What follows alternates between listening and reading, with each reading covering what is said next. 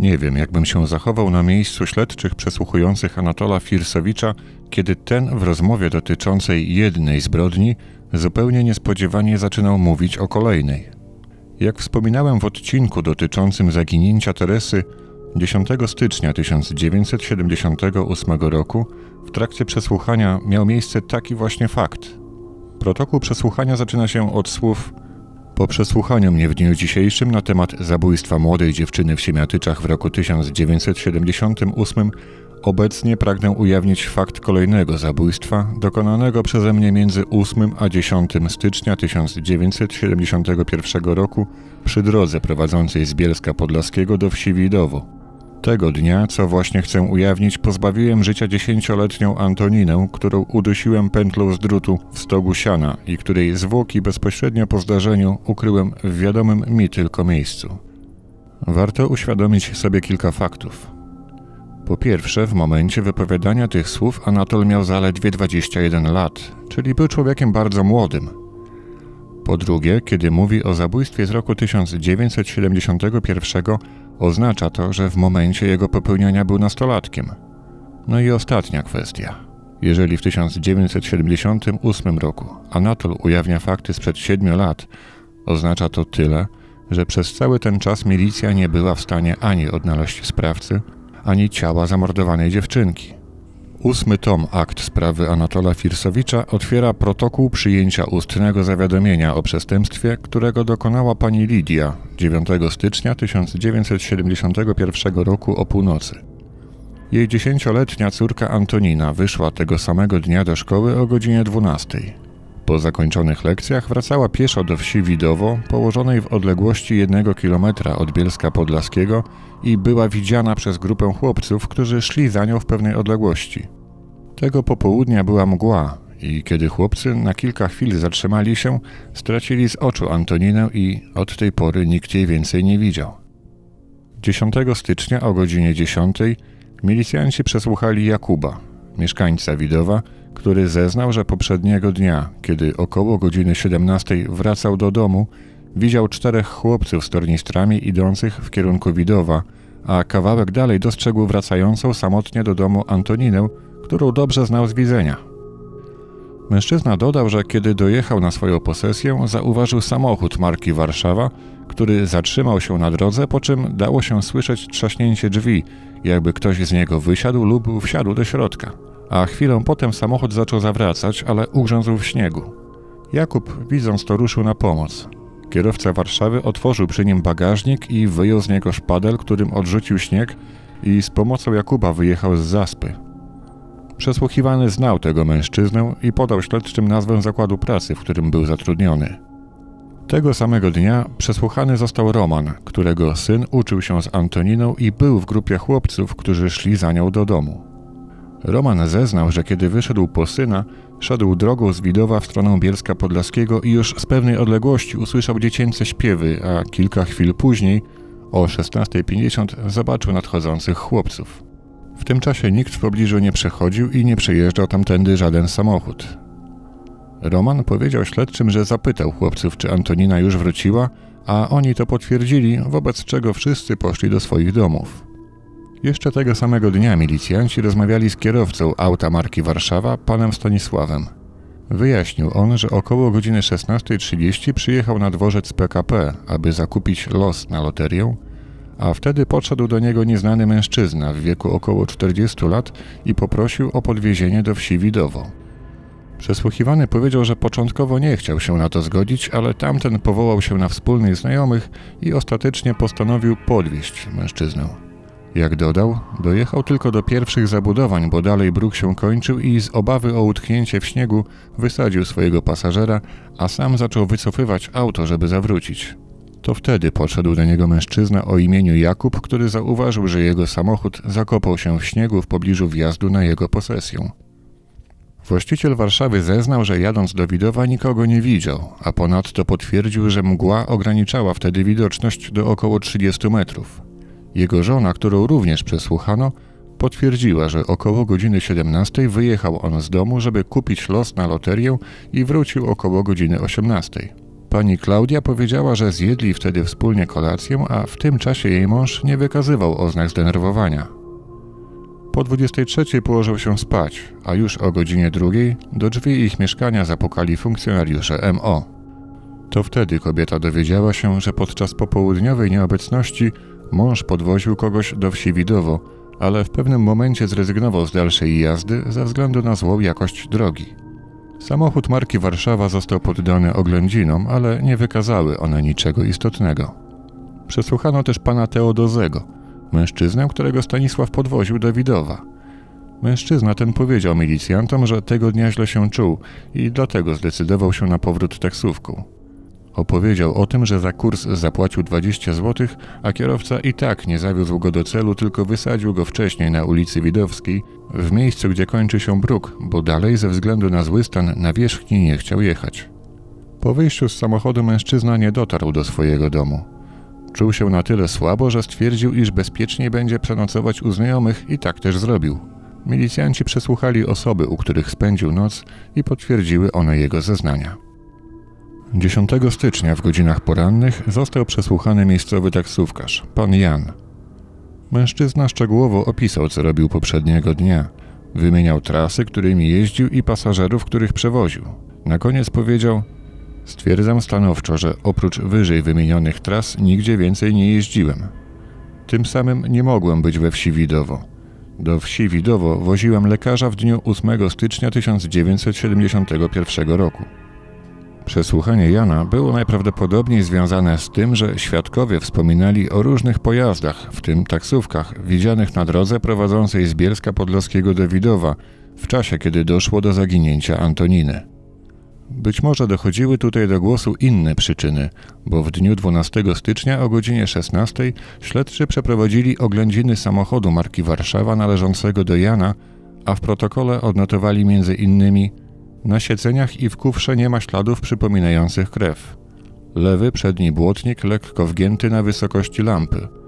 Na obydwu przednich błotnikach na wysokości lamp widoczne są podłużne plamy koloru brunatnego. Ze skrobiny z tych plam zabezpieczono. Nie trudno się domyślić, że plamy te kolorem przypominały krew i dlatego postanowiono to sprawdzić. Jednak kilka dni później, w kolejnym przesłuchaniu, Jan wyjaśnił milicjantom skąd się te plamy wzięły. Miały one powstać około dwóch tygodni wcześniej na skutek otarcia o drzwi garażu. Z kolei wgniecenia miały według niego powstać w listopadzie poprzedniego roku, kiedy podczas zawracania uderzył w stalowe ogrodzenie. 11 stycznia w południe przeprowadzono oględziny przypuszczalnego miejsca zaginięcia Antoniny, czyli terenu w pobliżu domu Jakuba. W protokole oględzin odnotowano, że w odległości 25 metrów od tych śladów, mowa o śladach kół samochodu, po północnej stronie jezdni, gdzie kończy się bruk, a zaczyna żwirówka, z kierunku drogi w pole ku koloniom wsi Widowo prowadzą dwa ślady obuwia ludzkiego. Ślad znajdujący się z lewej strony jest większy, co świadczy o tym, że szła tą drogą osoba dorosła. Zaś ślad znajdujący się z prawej strony jest mniejszy, wskazujący na to, że szła tą drogą osoba nieletnia. Ponieważ oba ślady znajdowały się obok siebie, śledczy przyjęli, że idące osoby trzymały się za ręce. Podążając po śladach doszli oni do brogu, zadaszonej konstrukcji, w której przechowywano siano i tam dokładnie przeszukali wnętrze tego brogu, ale nie odnaleźli niczego, co by wskazywało na obecność Antoniny. Wtedy jednak śledczy dokonali ciekawego odkrycia. Otóż o ile widzieli ślady dziecka prowadzące do brogu, o tyle śladów tych wskazujących na kierunek, w którym udała się osoba, już nie ujawnili. Ślady osoby dorosłej były doskonale widoczne i z ich układu dało się wywnioskować, że osoba od brogu poszła w kierunku wsi, a następnie wróciła, po czym znów odeszła w kierunku zabudowań, a konkretnie domu, w którym mieszkał Anatol.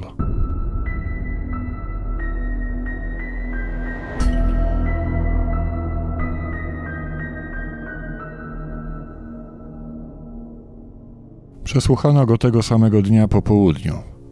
Powiedział, że 9 stycznia wrócił do domu po godzinie 14.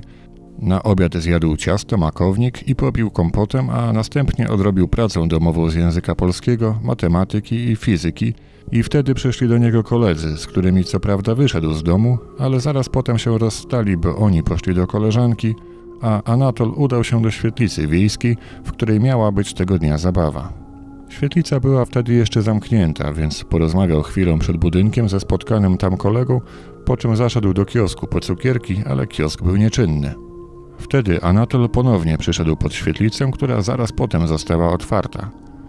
Nie spędził tam jednak dużo czasu i wkrótce poszedł do domu, ale był w nim tylko pół godziny, a następnie znów udał się do świetlicy.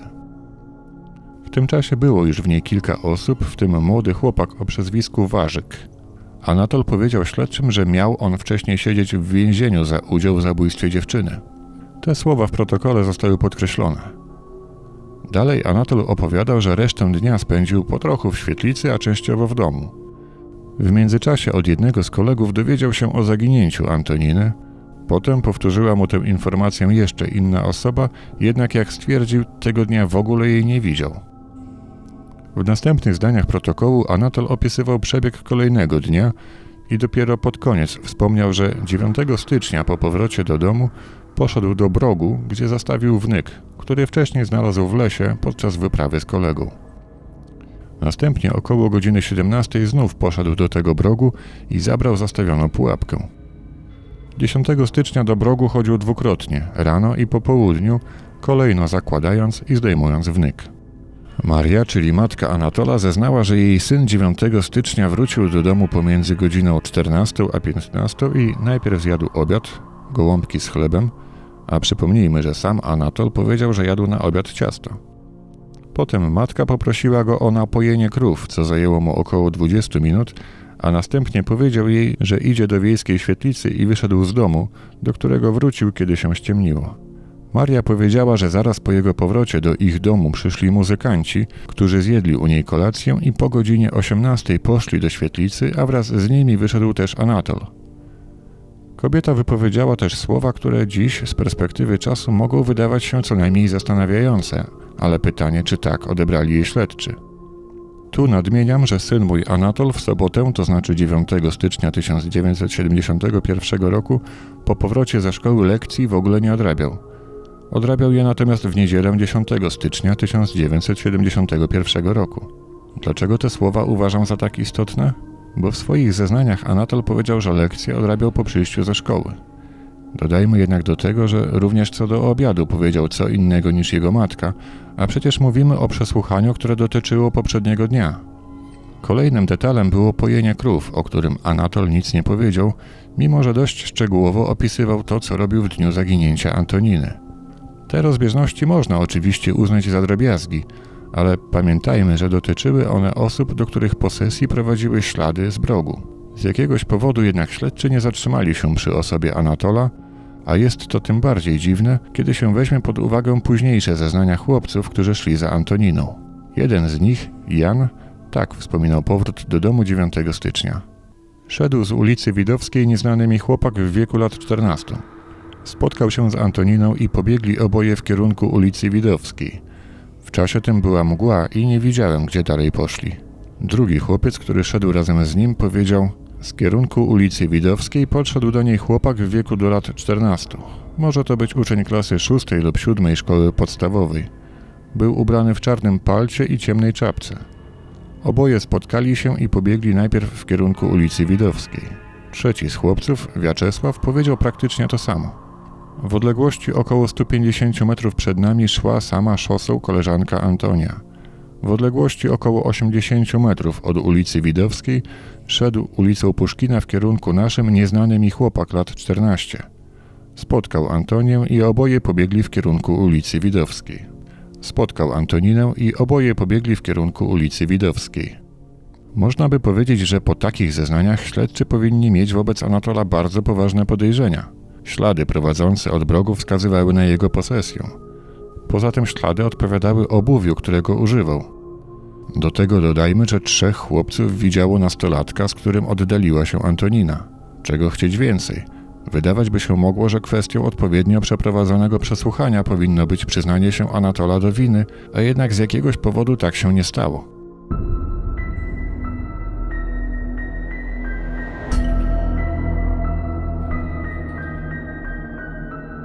Śledczy przeprowadzili eksperyment, który miał na celu ustalenie po pierwsze, ile czasu upłynęło od momentu, kiedy Jakub minął Antoninę, do tego, kiedy po wyjściu z auta ruszył w kierunku domu.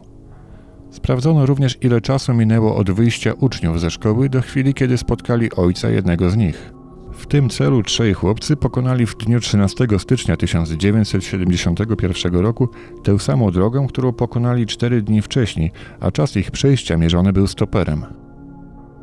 Podobnie mierzono czas przyjazdu Jakuba z uwzględnieniem wszystkich czynności, które wykonywał po zaparkowaniu w garażu. Okazało się, że w przypadku Jakuba mówimy o 2 minutach i 50 sekundach.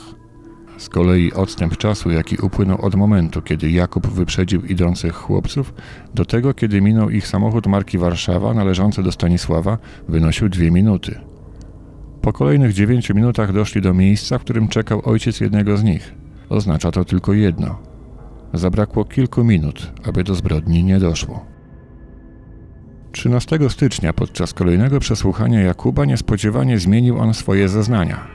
Powiedział mianowicie śledczym, że samochód marki Warszawa zobaczył dopiero po około 30 minutach od momentu, kiedy zaparkował syrenę w swoim garażu. Następnego dnia przeszukano posesję Jakuba, ale nie znaleziono żadnych rzeczy mogących mieć związek z zaginięciem Antoniny. 13 stycznia został też przesłuchany mężczyzna o imieniu Aleksander, pierwszy mąż Lidii, matki Antoniny. Przypuszczam, że śledczy sprawdzali w ten sposób ewentualny motyw zemsty ze strony byłego męża. Powiedział on, że o zaginięciu Antoniny dowiedział się dopiero 11 stycznia, a w dniu jej zaginięcia pracował w swoim warsztacie do późnego popołudnia. Pojawił się też inny wątek, o którym wspominał Michał, ojciec zaginionej dziewczynki. Wspomniał on, że kiedy kilka lat wcześniej jego teść rozpoczął budowę domu, chlewa i stodoły, sąsiad starał się mu przeszkodzić, Pisał skargi do różnych instytucji, odgrażał się, choć nigdy nie wprost, a za pośrednictwem innych osób. Dało się w tym wyczuć, że śledcze badali ewentualny motyw zemsty, ale nie znajdowali na jego poparcie wystarczających argumentów. Co ciekawe, kiedy 16 stycznia przesłuchano kolejnego chłopca, który feralnego dnia wracał ze szkoły, to mimo, że widział on idącą z przodu Antoninę, nie zauważył, aby ktoś do niej podchodził. Tym bardziej jest to ciekawe, bo przesłuchany tego samego dnia inny chłopiec podał kolejne szczegóły związane z zaginięciem dziewczynki. Powiedział on, że kiedy już podszedł do niej nieznajomy nastolatek i razem zaczęli biec, zawołał do Antoniny, żeby zaczekała, a ona miała mu krzykiem odpowiedzieć, że nie zaczeka, bo spieszy się na film. W tym czasie dziewczynka biegła, a obok niej biegł wspomniany nieznajomy chłopak. 30 stycznia śledczy przesłuchali ojca Anatola. Mężczyzna powiedział, że 9 stycznia wrócił do domu dopiero około godziny 18 i wtedy jego syna nie było, ale widział go później, kiedy poszedł na zabawę do świetlicy. Powiedział także, że wiedział o tym, że Anatol znalazł w lesie wnyki, ale wyraził jednocześnie wątpliwość, aby mógł on je zastawiać w dniu 9 stycznia, ponieważ było wtedy święto. Ojciec Anatola zeznał również, że syn sprawiał problemy wychowawcze, ma skłonność do kradzieży, a żadne upomnienia czy nawet kary cielesne nie odnosiły skutku. 2 lutego 1971 roku wydane zostało postanowienie o powołaniu biegłego, który miał zbadać, czy ślady zabezpieczone na śniegu, a prowadzące do i od brogu mogły pochodzić od obuwia należącego do Anatola Firsowicza. 11 dni później, 13 lutego, biegły sporządził opinię, według której jeden z zabezpieczonych odlewów śladu buta mógł pochodzić od lewego buta Anatola, a dwa pozostałe odlewy nie nadawały się do badań. Dzień wcześniej śledczy otrzymali wyniki badania ze skrobin z taksówki, numer boczny 33, należącej do Jana. Na karoserii znajdowały się brunatne ślady, które wyglądem przypominały krew i dlatego wzbudziły podejrzenia śledczych. Wyniki badania były jednoznaczne. Ślady na samochodzie nie były krwią i nie zawierały jej elementów. W międzyczasie śledczy dwukrotnie przesłuchiwali Anatola i wydawało się, że krąg podejrzeń coraz bardziej zacieśnia się wokół niego, ale on konsekwentnie do niczego się nie przyznawał. Próbowano wśród mieszkańców Widowa ustalić kto i o której godzinie widział Anatola, ale uzyskane informacje nie były jednoznaczne. Trzeba pamiętać, że ludzie tego dnia w dużej mierze żyli zaplanowaną na wieczór zabawą, więc nie powinno dziwić, że nie zwracali uwagi na jednego z nastolatków. Śledztwo ewidentnie zmierzało ku umorzeniu i tak się stało 13 kwietnia 1971 roku Prokuratura w Bielsku Podlaskim postanowiła sprawę umorzyć, ale jednocześnie niedługo potem została ona przekazana do rozpoznania sądowi dla nieletnich. Chodziło o to, że Anatol w tym czasie nie miał ukończonych 16 lat. 28 sierpnia sąd dla nieletnich postanowił odmówić ścigania Anatola Firsowicza ze względu na brak dostatecznych dowodów winy. W uzasadnieniu można przeczytać między innymi w tym konkretnym przypadku brak jest jakichkolwiek dowodów, że ślady pozostawione po obuwiu na śniegu akurat pochodzą z obuwia zaginionej małoletniej Antoniny, ponieważ takiego obuwia brak jest. Dlatego też mając na uwadze to, że sprawca nie został wykryty, sąd dla nieletnich odmówił ścigania małoletniego Anatola Firsowicza, ponieważ w czasie przesłuchania nie przyznał się, by uprowadził nieletnią Antoninę.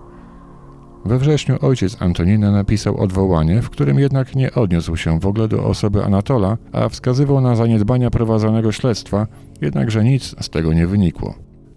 Przypuszczam, że czas zrobił swoje i po kilku miesiącach emocje sąsiadów opadły, a tragedia przeżywana przez rodziców Antoniny w jakiejś mierze musiała ustępować codzienności. Myślę, że ta niewiedza o losie swojego dziecka musi być straszna. Być może wciąż mieli nadzieję, że Antonina jednak żyje – na pewno jednak nikt się nie spodziewał, że odpowiedź na ich pytania przyjdzie 7 lat później.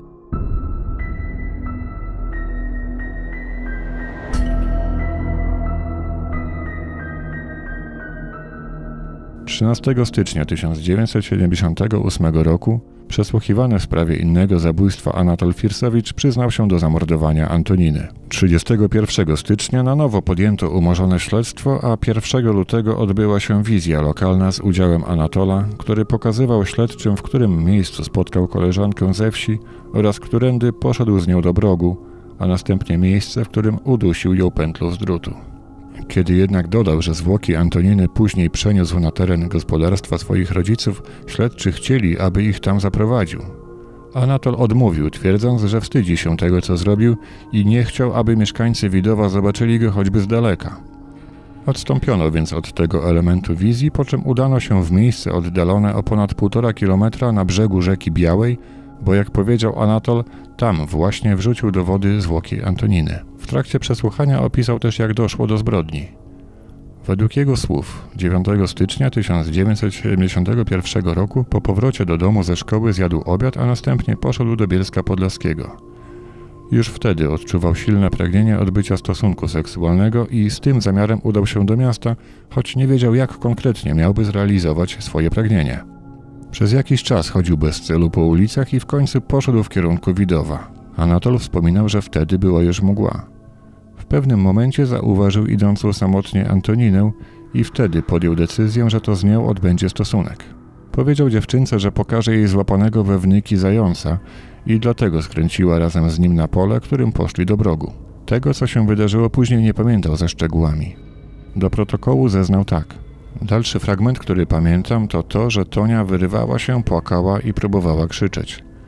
Wówczas ja, chcąc odbyć z nią stosunek bez przeszkód, zawiązałem jej wokół szyi cienki drut, który znalazłem w pobliżu brogu, dokładnie już nie pamiętam gdzie, w każdym razie znalazłem go przypadkowo w czasie opisywanego zajścia. Pamiętam, że po zawiązaniu tego drutu Tonia przestała się ruszać. Ostatecznie, jak powiedział Anatol, nie zgwałcił swojej ofiary, tylko przykrył jej ciało słomą, a drut zabrał ze sobą i poszedł do domu. Następnego dnia rano, kiedy było jeszcze ciemno, zabrał ciało Antoniny i przeniósł je do stodoły na terenie gospodarstwa rodziców, a jeszcze później ukrył je w kopcu na ziemniaki. W następnych dniach próbował zakopać ciało dziewczynki na podwórku, ale ponieważ ziemia okazała się zbyt przemarznięta, trzeciego lub czwartego dnia po zabójstwie postanowił wrzucić zwłoki do rzeki. W aktach nie ma informacji, czy została podjęta wtedy próba odnalezienia ciała Antoniny, ale przesłuchano milicjantów biorących udział w poszukiwaniach w 1971 roku. Wspomnieli oni, że przeszukiwali brzeg rzeki i podwórko rodziców Anatola, ale było wtedy bardzo dużo zalegającego śniegu. W czasie składania tych zeznań Anatol przebywał w areszcie.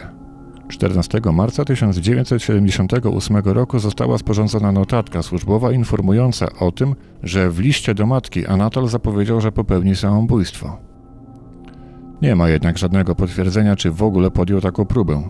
Niedługo później powołani zostali biegli psychiatrzy, którzy mieli stwierdzić, czy w momencie popełniania zabójstw Anatol był poczytalny. Jednakże ich badanie nie przyniosło wiążących wniosków i uznano, że konieczne w tej sytuacji jest przeprowadzenie pogłębionych badań na oddziale szpitala psychiatrycznego.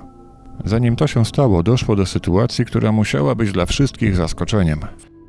Anatol napisał oświadczenie, w którym częściowo zmienił swoje dotychczasowe zeznania. I o ile nie wyparł się zabójstwa Barbary i Teresy, o tyle zaprzeczył, aby zabił Antoninę. Myślę, że doświadczeni śledczy zdawali sobie już wtedy sprawę, że podejrzany może próbować w jakiś sposób umniejszać swoją winę i korygować swoje wcześniejsze zeznania. Do formalnego przesłuchania doszło 5 maja. Mimo iż jego protokół zajmuje kilka stron, podam tu tylko kilka, moim zdaniem, najistotniejszych faktów. W sprawie zabójstwa Antoniny Anatol jednak podtrzymał wcześniejsze wyjaśnienia i potwierdził to, że ją zabił. Wyjaśnił jednak, że nie udusił jej drutem, a gołymi rękami, a do tego wskazał miejsce ukrycia jej zwłok. To musiało być zaskoczeniem dla przesłuchujących, bo Anatol powiedział, że ciało dziewczynki zakopał w brogu, czyli w miejscu, które było wcześniej przeszukiwane. Sprawie zabójstwa Barbary jego wyjaśnienia nie różniły się istotnie od tego, co już zdążył przekazać śledczym. Między innymi stwierdził, że nie zabrał jej rzeczy osobistych. O okolicznościach zabójstwa Teresy powiedział, że ostatecznie udusił ją rękami, a nie bluzką. 6 maja 1978 roku przeprowadzono ponowne oględziny brogu i w miejscu wskazanym przez Anatola odnaleziono zakopane szczątki Antoniny. W ten sposób historia jej zabójstwa znalazła swoje zakończenie. Dodam jeszcze, że obok szczątków dziewczynki znaleziono również fragmenty jej ubrań oraz tornistra i zeszytów. Muszę przyznać, że kiedy zajrzałem do koperty, w której te zeszyty się znajdowały, poczułem się nieswojo. Były to namacalne przedmioty, które tamtego feralnego dnia mała Antonina miała ze sobą i które leżały przy niej, kiedy dochodziło do zbrodni. Jeżeli podobają Ci się opowiadane przeze mnie historie, możesz zasubskrybować mój kanał i ustawić powiadomienie o kolejnych odcinkach, na które już dziś zapraszam.